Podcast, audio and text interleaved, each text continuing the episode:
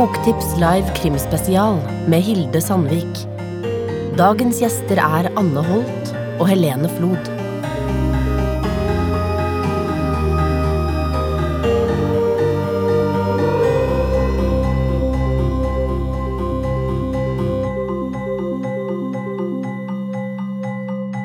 Nå kommer vi til et nytt program der eh, selve mesteren er med fortsatt, Anne Holt. Og hun skal møte en av de yngre mesterne, så vi har kalt det et mestermøte. Men jeg vet ikke om Anne kan være litt frekk og si at Helene, du har vel ikke skrevet nok bøker til å kalle deg det. Men det er altså et mestermøte mellom Anne Holt og Helene Flod. Og for å prøve å ta vare på disse mesterne, så har vi en kjent og kjær programleder som vi har hatt med i mange år og som mange av dere eh, hører på på radioen, på dansken, norsken og svensken. Og det kommer også et program her på lørdag som heter nettopp det, der vi har med både dansk, svensk og norsk eh, krimforfatter. Alle de tre damene har hørt hvordan dere klappet enormt for Trude Teige. Og de forventer enda større applaus når de nå kommer opp på scenen. Kom igjen! Og høyere, da! Kom igjen! Kom igjen.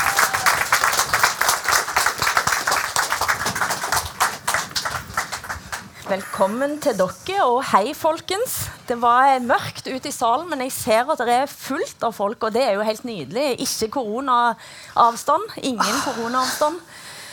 Eh, så fint å ha dere her, og gratulerer med nominasjonen, eh, Anne. Tusen takk. Var det overraskende?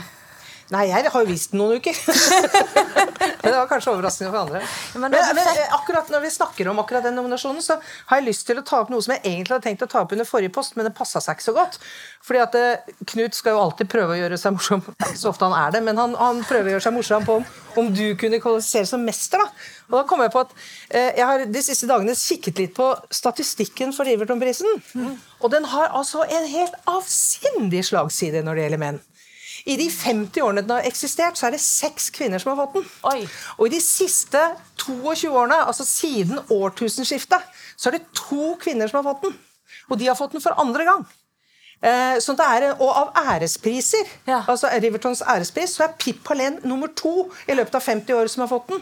Og det var veldig fint at Pip Hallén fikk den. Ja. Og da var det et med mønster, for da jeg satt og snakket med noen om dette, så sa, de, så sa jeg fordi at det, er jo kjempehyggelig. Det er jo ingen som tviler på at Jo Nesbø er liksom det store, tøffe lokomotivet i norsk kriminallitteratur. Og vi alle har enormt mye å takke ham for. Både hva han har gjort nasjonalt, men ikke minst internasjonalt. Men han, og at han fikk ærespris for noen år siden, det syns jeg var veldig veldig bra. Veldig fortjent. Men at han da, så vidt jeg vet, så var han nominert og vant med kniv. Da du også var nominert for en eh, roman. Var det ikke, er ikke det riktig? Nei, jeg var ikke nominert Nei, men da burde du ha vært det. For du, den boka di var så jævlig god. Eh, takk og det. da tenkte jeg med en gang at her burde Riverton, eh, Riverton-prisens jury sett sin besøkelsestid. For, at for Jo Nesbø, etter å ha fått æresprisen, så er det ikke så stas å få liksom selve Riverton-prisen, for da kunne han jo få den hver gang han ble gitt ut. Men du derimot, du kunne tatt det som et push og et løft framover. Flere kvinner må få den prisen. Wow. Og siden jeg er den eneste kvinnen som er nominert i år, så kan dere trekke konklusjonen selv. Nei da. Jeg skjønner at jeg nå har sagd av den greia. Og at jeg ikke kommer til å få den i år, men det lever jeg veldig godt med. Men du tror ikke det allerede er bestemt, da? Nei, altså Den blir vel ikke offentliggjort før den 7. april. Det må jo Nei, være men- noen poeng i at det er et tidsrom mellom eh, shortlist og ut, eh, utlevering. De kan jo forandre mening også. Man sitter ikke og kritiserer juryen uten at man blir straffet for det. Men det skal jeg klare, å- Nei, det skal, men- det skal jeg klare å leve med. Men for å si det sånn, hvis du kritiserer juryen nå, Ja. og Ja. alle her hører det, og du ikke får den, så har vi nå en hel sal Oi! som kan bevitne. Ja, det er til og med tas av. så- Nei, vi får se. Vi får se. Nei, altså, poenget mitt, skjønner dere, eh, det er at eh, hvis dette hadde vært noe som reflekterte norsk krim Altså Hvis det ikke var kvinner som skrev krim i Norge, så jeg er ikke noe sånn hysterisk eh, svensk type feminist. Jeg er en god, gammeldags norsk feminist fra 70-tallet som mener at vi skal tilstrebe å få Flere kjønn. Nå heter det jo flere kjønn. Flere kjønn inn flest mulig steder. Og når det er så skjevt som det er der, da betyr det at man har ikke brukt blikket sitt. Og det syns jeg er synd. Og jeg syns det går utover deg. Jeg har også syntes det har gått utover Trude Teige også, som nå er president i eh, klubben. Det var mitt om det. Nå behøver vi ikke snakke mer om det. Dette er jo interessant, da. For det, det, jo, altså, det, har jo vært veldig mange kvinnelige eh, krimforfattere i Norge. Men, men altså, eh, hvis vi ser på listene, altså, hvis vi ser på programmet, mm. så er det jo ikke mangel på kvinner eh, som skriver krim. Eh, Helene, har du hørt på denne grausamme salbe her fra, fra Anne Holt? Eh, hva, hva, hva, tenker du? Altså, hva er grunnen til det, i så fall? Oh, um, ja, nei, jeg blir veldig ofte spurt om hvordan uh, er det å være kvinne og skrive krim. Og, og, som jeg syns er litt sånn, underlig å svare på, for jeg har jo aldri prøvd å være mann og skrive krim. Så man skriver jo fra, fra det kjønnet man uh, tilfeldigvis har. Um, men det er jo ikke mangel på kvinner som skriver krim. Men er det, er det, er det, er det en annen type krim? Tror du det? Det kan nok være. Uh, og det kan nok være at mange kvinner skriver de litt mer sånn tettere litt mindre biljakter og narkodeals, ikke nødvendigvis, men, uh, men sånn uh, statistisk, holdt jeg på å si. Altså, hvis du ser på det på gruppen. Ja, for du har, skrevet, du har, jo skrevet begge deler, kan en si. Altså I dine, i dine romaner så er du både liksom på politijakten, men du er òg på, på hjem, hjemmesfæren. Mm. Eh, da du leste, Jeg regner med det var terapeuten du viste til når du snakket om den første romanen til Helen Flod. Som ja, burde det var den som du ja. debuterte med, var det ja. det? Ja. Mm. Eh, og hva var det som gjorde at du liksom virkelig fanga interessen for den? Nei, altså, Jeg, prøv, jeg leser altfor lite. Uh, altså, Jeg leser generelt for lite fordi at jeg er blitt så hekta på filmer og serier. Og sånn sett så har jo pandemien vært et uh, luksustilværelse. Men, men, jeg prøver å følge med i, noenlunde i norsk krim, og særlig når det dukker opp kvinner som, uh, som er spennende. Og jeg opplever at uh, Siden du nå snakker om forskjellige måter å skrive på, da, mm. så opplever jeg at det er ikke så veldig forskjellige måter å skrive på. Det er litt forskjell i tematikken. jeg opplever vel at en del av den mannlige litteraturen har vært litt mer grafisk på vold. Litt mer større ting. altså litt mer, altså Mindre den derre som nå ofte kalles for domestic noir. Mm. ikke sant, som, som, det er noen flere kvinner skrive, eh, som skriver det. Men hvis du tar en forfatter som Unni Lindell, da, som mm. har vunnet dette to ganger, eh, så skriver jo hun fletta av en god del av de mannfolkene som skriver samme litt sånn fartsfylte, ganske klassiske kriminalromaner. Uh, og, og, selv om, og det jeg opplevde at du gjorde med terapeuten, det var at du tok etter min mening er det én dronning av den psykologiske, dype krimmen i Norge eneste problemet med henne er at hun grenser til å ikke være krim, og det er Karin Fossum. Mm. Og jeg opplevde at du hadde noe av det som Karin har, eh, som ikke er en liten kompliment å gi. Eh, fordi at hun, hun, kan jo akkurat det du prøver å gjøre. Og Karin ble jo verdsatt. Hun har vunnet denne prisen to ganger. Sånn at Jeg skjønner ikke, Hvis det hadde vært sånn at ingen av den type romaner fikk Riverton-prisen, så hadde det jo vært en forklaring. Men det er jo ikke det. La du deg inspirere av Karin Fossum? Ja, jeg syns jo det.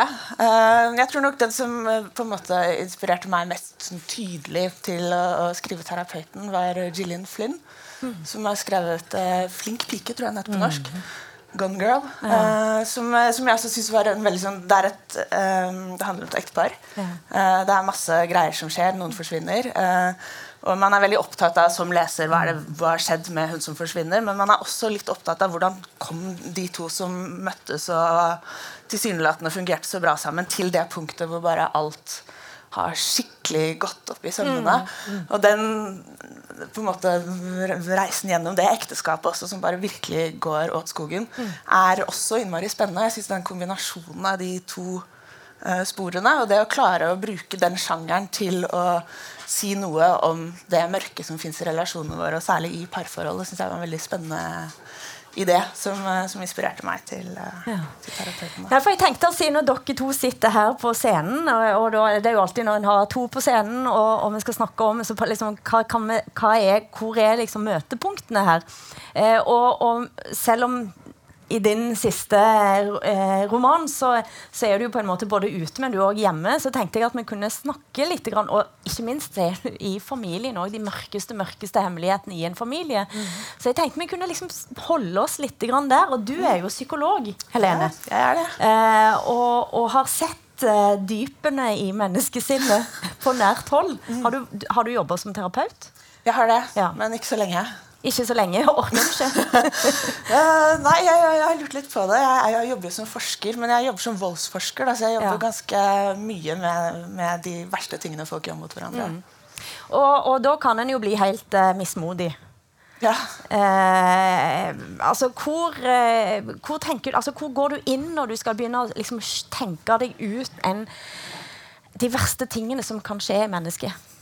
Jeg føler jeg ikke trenger å gå så langt, i og med at jeg jobber med dette til daglig. Så jeg, har sluttet å bli overrasket over hva folk kan, eh, kan gjøre mot hverandre. Altså. Mm. Men uh, jeg synes sånn, hvordan ideer oppstår, det er alltid liksom vanskelig å etterpå eller for man, man, må jo på en måte etterrasjonalisere. Man går alltid etter og, og tenke hvor, hvordan begynte denne ideen.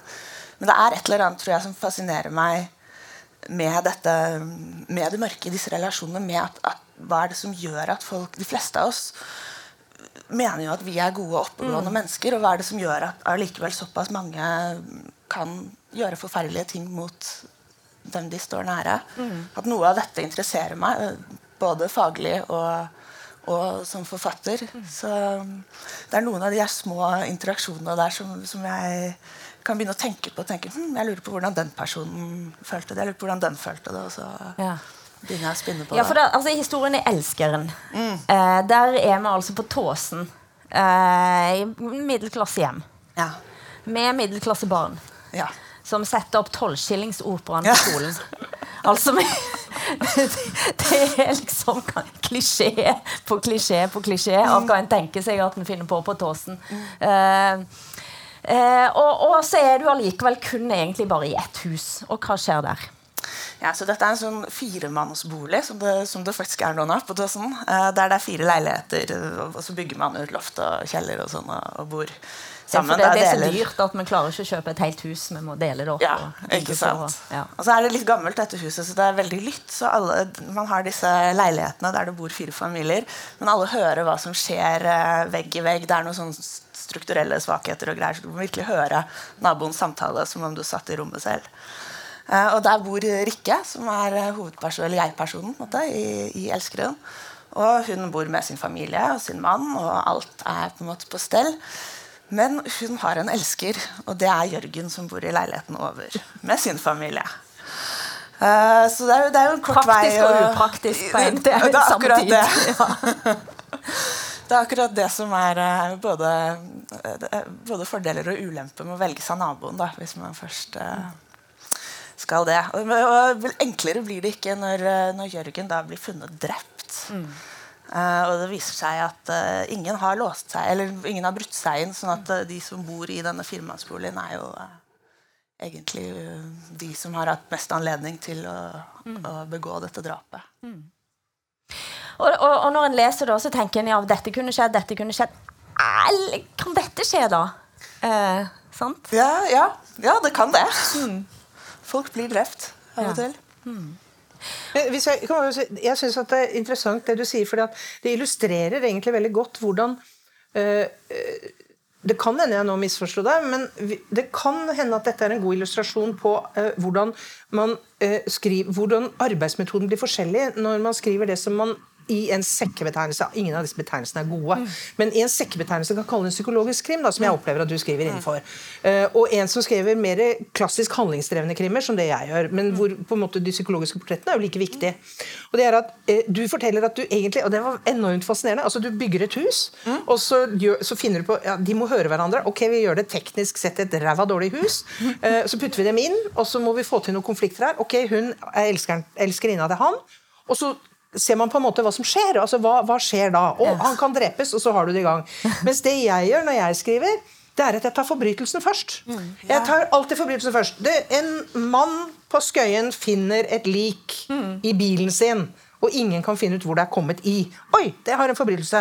Hva skal jeg gjøre med denne forbrytelsen? Mm. Og så spinner jeg den veien. Mm. Så det er egentlig helt motsatt måte å spinne boka på. Mm. Ja, det kan du si. Dette slo meg nå. Det er ikke rart jeg ikke skriver psykologiske kriminalromaner. Dette er en metodebok? Ja, Det er kanskje det vi burde skrive sammen. Mesternes tale. Eller Mesternes Elsker skrift. det. Ja, ja. Jeg tror det sitter en del forleggere her i denne salen nå som bør notere Jo, jo, men det, det, er egentlig, men det er veldig interessant, for jeg har jo en sånn kjepphest på det som gjelder kriminallitteratur. At det er ubegripelig mange bøker som er veldig veldig gode til du er liksom fem sjettedeler inn i boka, og så faller de helt Mm. fra hverandre på slutten. Og jeg blir like forbanna hver gang jeg leser det. Uh, og jeg har jo i 30 år prøvd å skrive bøkene mine omvendt. Altså jeg skriver slutten først. Jeg, først så finner jeg på en forbrytelse, og så finner jeg på hvordan er det gjort, og lager alle løsningene. Så skriver jeg slutten først, sånn at jeg skal slippe å få den der russiske mafiaen inn på side 273 for å løse det hele. Og det du gjør, denne, den vil jeg kalle arkitekturmodellen. Altså det er å på en måte lage en sånn bo, bosammensetning som gjør at folk kommer i klinsj med hverandre. Til sammen. Vet du, Vi kan lage sånne bøker som Stephen King gjør. Og han er blitt mangemilliardær på det. Ja, nei, dette Nå- var, nå snakker du her. Du satte i gang masse tanker hos meg nå. Altså. Virkelig. Jeg har aldri jobba på den måten. Nei. Men det er spennende, da. Jeg hadde en gang et sånn bokbad med Robert Wilson. Den store, store, En av mine absolutt favoritter internasjonalt. Jeg synes han skriver helt fantastisk. Og så var det et sykdomsfrafall. Det var den gangen bokbadene var på Rockefeller. Og så var det sykdomsfrafall, så jeg ble spurt om jeg kunne ta det intervjuet med han på scenen. Bokbadet. Og jeg syntes det var veldig veldig, veldig gøy, og da spurte jeg han eh, Men eh, du, selvfølgelig Jeg prøvde å vie meg litt med han. Eh, du og jeg, som etablerte krimforfattere, vi vet jo at vi må alltid ha lagt ut en plan, og vi må alltid vite hva som slutten er. For Hvis ikke så blir det bare rot. Og så ser han på meg, så sier han på sitt merkelige sånn blandingsengelsk, for han er vel egentlig sørafrikaner opprinnelig og bor i Portugal. Og så sier han Nei, sier han. Jeg setter meg ned foran maskinen, og så begynner jeg å skrive. Ja. Og det er sånn han skriver. Ja. Altså Alle hans bøker. Han bare begynner et Ja. sted, og så skriver han som om han skulle fortelle en barnehistorie. Og ingen kan jo beskylde han for å lage historier som faller fra hverandre. De henger jo sammen som skreddersøm. Så jeg sitter, i, sitter ikke her og sier at jeg har den eneste modellen, men jeg har en veldig god modell. Men det, dette synes jeg, er veldig, jeg synes det er veldig interessant å snakke med folk om hvordan de skriver. Jeg hører de som skriver ikke sant, synopsis, handlingsreferat, som de utvider til det her. Mhm. som, som jeg, jeg skjønner ikke hvordan det går an. Men jeg ser, ser jo at det blir fine bøker av det og sånn, men bare, det, vil, det er så fremmed Vi må dra på hyttetur. Vi, vi må rett og slett Men nå begynner dette å ligne på metoo. Heldigvis sitter kona mi der, så det behøver ikke være noe redd. Må gjerne være med på, Ja, ja, ja, hyttetur. Men da, nei, da blir det en roman du har skrevet. Men dette, dette er jo dette, Ja, unnskyld. Du, Ja, du, bare, jeg, bare blir så interessert når du sier at du begynner med slutten. Ja, ja. For, altså, er, er, da er slutten skrevet, og er skal skrevet, slutte dit. Ja, ja, der, sånn skal slutte. der. Men det skrives jo om igjen og om igjen. De siste Ja. 10-15 sidene. Men de blir skrevet om igjen. og om igjen. Og av og til så viser det seg at den slutten stemmer ikke. Ja. Så har det om. Det Har det- har det hendt at det er andre- en annen morder, eller? Ja, jeg kan fortelle at Da jeg skrev 'Demonens død', som jeg vant en eller annen pris for Bokhandlerprisen vant jeg for den. Eh, Da hadde jeg skrevet hele boka. Helt ferdig. Hadde ringt, eh, som man den gang gjorde, så plukket man opp en telefonapparat som hang fast i veggen. faktisk. Eh, ringte til eh, redaktøren min, som var helt uhørt. Den gangen hadde vi nemlig høflighetsregler på når på kvelden man ringte til folk. Vet at alt dette er passé nå. Ringte henne sikkert klokka ti om kvelden, fryktelig høflig, og sa jeg er ferdig med boka. Og hun ble kjempeglad. Jeg kan komme og levere den på papir, ikke elektronisk, dagen etterpå. Og så våknet jeg klokka seks om morgenen dagen etterpå, og så ser jeg jeg har feil morder. Jeg er rett og slett feil morder. Og så hadde jeg jo avtalt å komme og levere klokka ni. Så skjønte jeg der er den, det, det er helt feil morder. Så bytta jeg om på morder. Jeg behøvde å skifte én eneste setning for å få det til å henge i hop. Ja.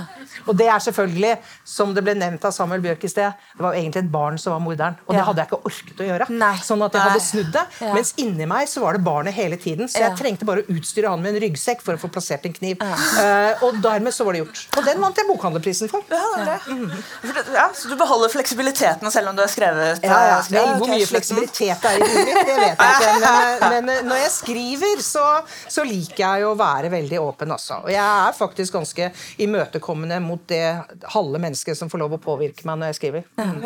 Men, men altså, du, Hanne Wilhelmsen, du sa jo at Hanne Wilhelmsen og deg blir likere og likere Mm. Ja, i løpet av tiden. Og jeg, jeg opplevde plutselig her at jeg hadde en sånn Hanne Wilhelmsen-Ebba Ebba-situasjon. Ja, ja, ja. eh, ja det er det! to. Du er Ebba Braut! Jeg har funnet min Ebba Braut! Hvilken dag! Men nå må jeg være litt forsiktig, for i den boka jeg skriver nå, som er den tolvte boka, Der har Ebba Braut og Hanne Wilhelmsen blitt kjempevenner. Ja, men. Nefis, kona til Hanne, er så forbanna på Hanne at hun går fra henne. Oi. Og det, det må dere ikke tro er likt. altså, det- Vi har Tine ingen planer om det. Ja, ja. Det, er- det er ikke noe i det hele tatt. Nei, men- det, men det, er, det er jo noe interessant i den boka, for det er jo liksom manus og jeg holdt på å si 11, eh, som er den ellevte boka med Hanne Wilhelmsen. Eh, og, og nå er hun på banen igjen. Men hun Nei, nå skal jeg jo ikke røpe, men altså, det er jo noe med hvem skriver ut hva eh, i, av, eh, i, i bokverdenen òg, da. Hvor er forfatteren? Hvem er egentlig forfatteren? Hvem kan skrive ut ifra hva perspektiv?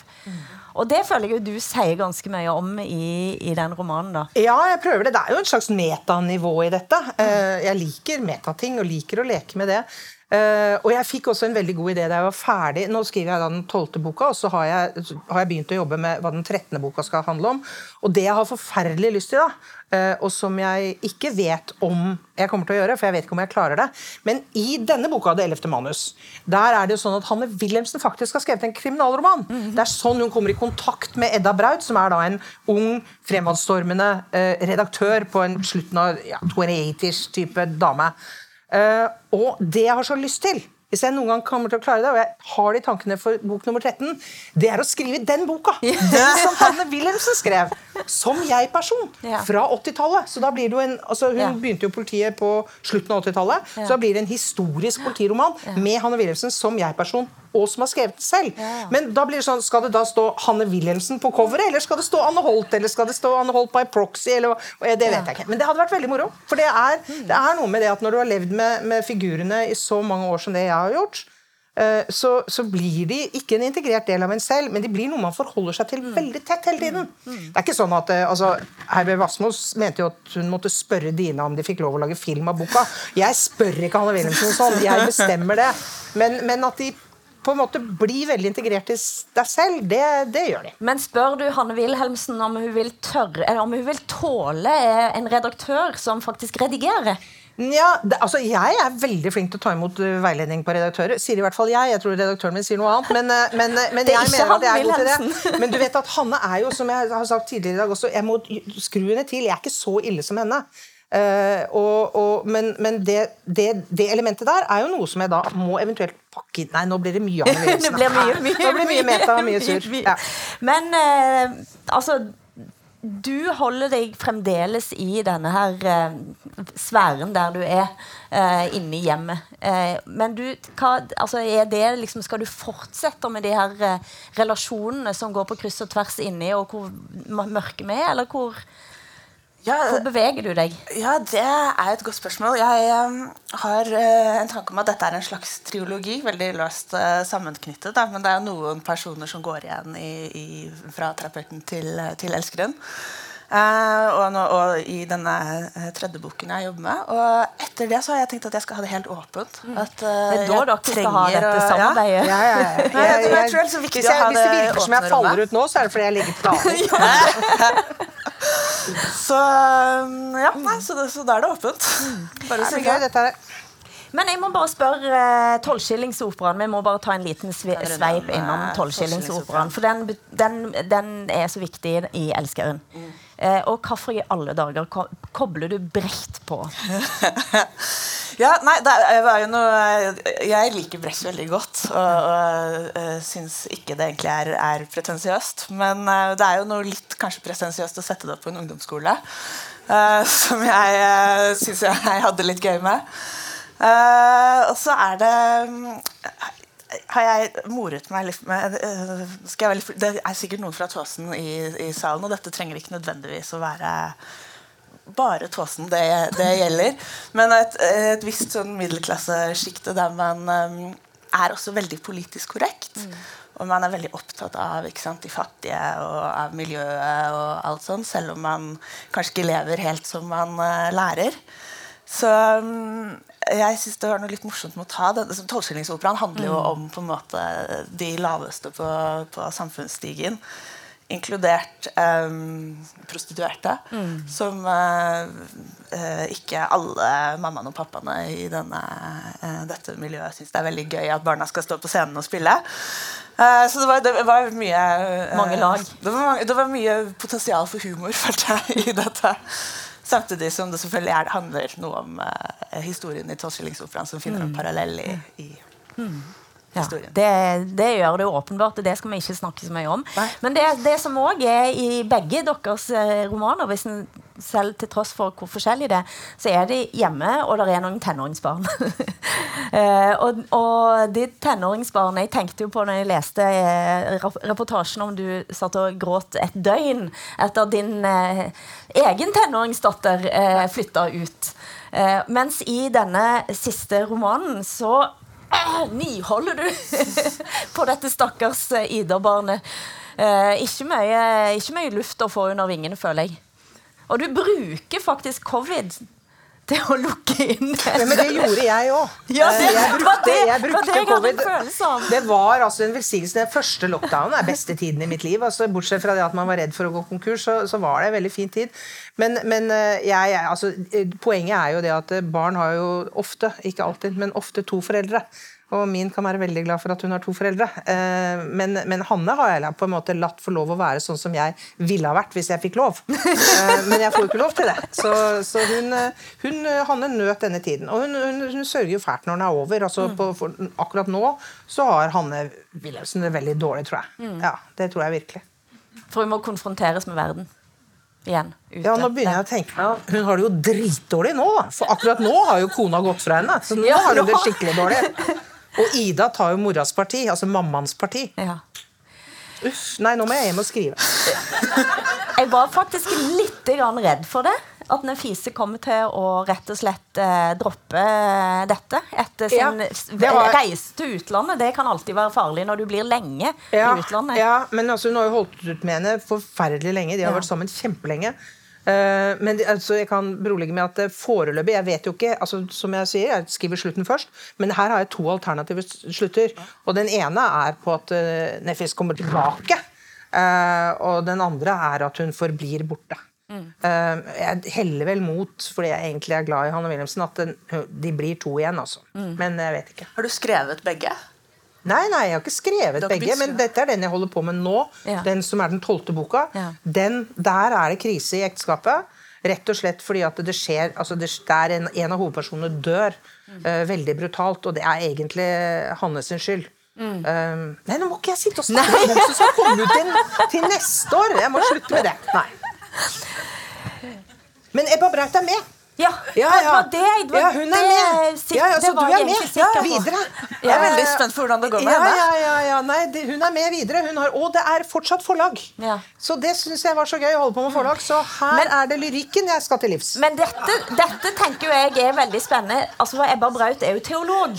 Eh, og te- Teolog, psykolog. te- te- det var- Same, same, det var- det var- same, Det var nettopp det. Ja, ja, Jeg føler at eh, forholdet her mellom altså, det metafysiske plan og det sjelelige plan Her kan vi liksom kombinere veldig, veldig mye. Ja. Er du med på det? På at eh, teologi og psykologi er det samme? Nei, det tror jeg Det, ikke. det, tror jeg skal ikke du måtte på. jobbe litt for å få meg med på. Men er du med på å liksom tenke videre på denne sjelelige ja, dynamikken, da? Eh, Mulig jeg er litt for ateistisk til, Ja. eh, Du- ja, til å trå inn der, altså. Ja. Men, Men, eh, men det er jo det er egentlig litt så spennende, fordi at det, eh, for 20-30-40-50 år siden så var bakgrunnen for de som skrev krim, mye snevrere enn den er nå. nå er det, da, og da jeg begynte å skrive krim i, i Norge, det var altså i 93, da var jeg for det første den eneste noen gang som var politi og skrev krim. Eh, altså som hadde vært i politiet. Eh, det var heller ikke noen jurister, så vidt jeg vet, som skrev eh, krim. Eh, og og eh, det, det var rett og slett litt sånn snevrere. Mens nå er det veldig mange yrkesgrupper som legger eh, som, som tar med seg det de har. Vi hørte jo ikke minst den Kripos-bakgrunnen i sted, som jeg misunner ham noe enormt. Det må være så spennende å gå inn i krimprosjekt med så mye fagkunnskap, og så lett tilgang Ja, ja. til all den fagkunnskapen han trenger. Eh, og psykologer, og, og det, det var en av de grunnene til at, det, en, av, at det, en av de tingene jeg ser vi kunne ha trengt, det var liksom teologikrim. Det ble gjort for herrens mange år siden. Så skrev Pernille Rygg Mm. En bitte lite serie, jeg tror det ble to bøker av det, om en prest som også var trans. Det var forut for sin tid, for dette er 30 år siden. Eh, men, men prester er litt sånn, teologer er litt sånn borte i dette. Så derfor så gjorde jeg henne til teolog. Eh, Dette er, nå er vi akkurat liksom på at vi skal avslutte, men jeg kan jo da innrømme, siden dette er mitt første jeg Nå er vi liksom i gang med Krimfestivalen, at det er noe av det som er det mest interessante med å kunne sitte på scenen og intervjue med krimforfattere, er at en ikke bare har gått forfatterskolen, hvis jeg skal være litt slem, da. En har gjort så mye annet, eh, og er interessert i samfunnet. Eh, og det kan jo være at det var derfor du mente at Ingrid Alexandra burde fått krim når hun først fulgte 18. Det er også Tusen hjertelig takk til dere begge to. Tusen takk til deg. Boktips, en podkast fra Cappelen Dam.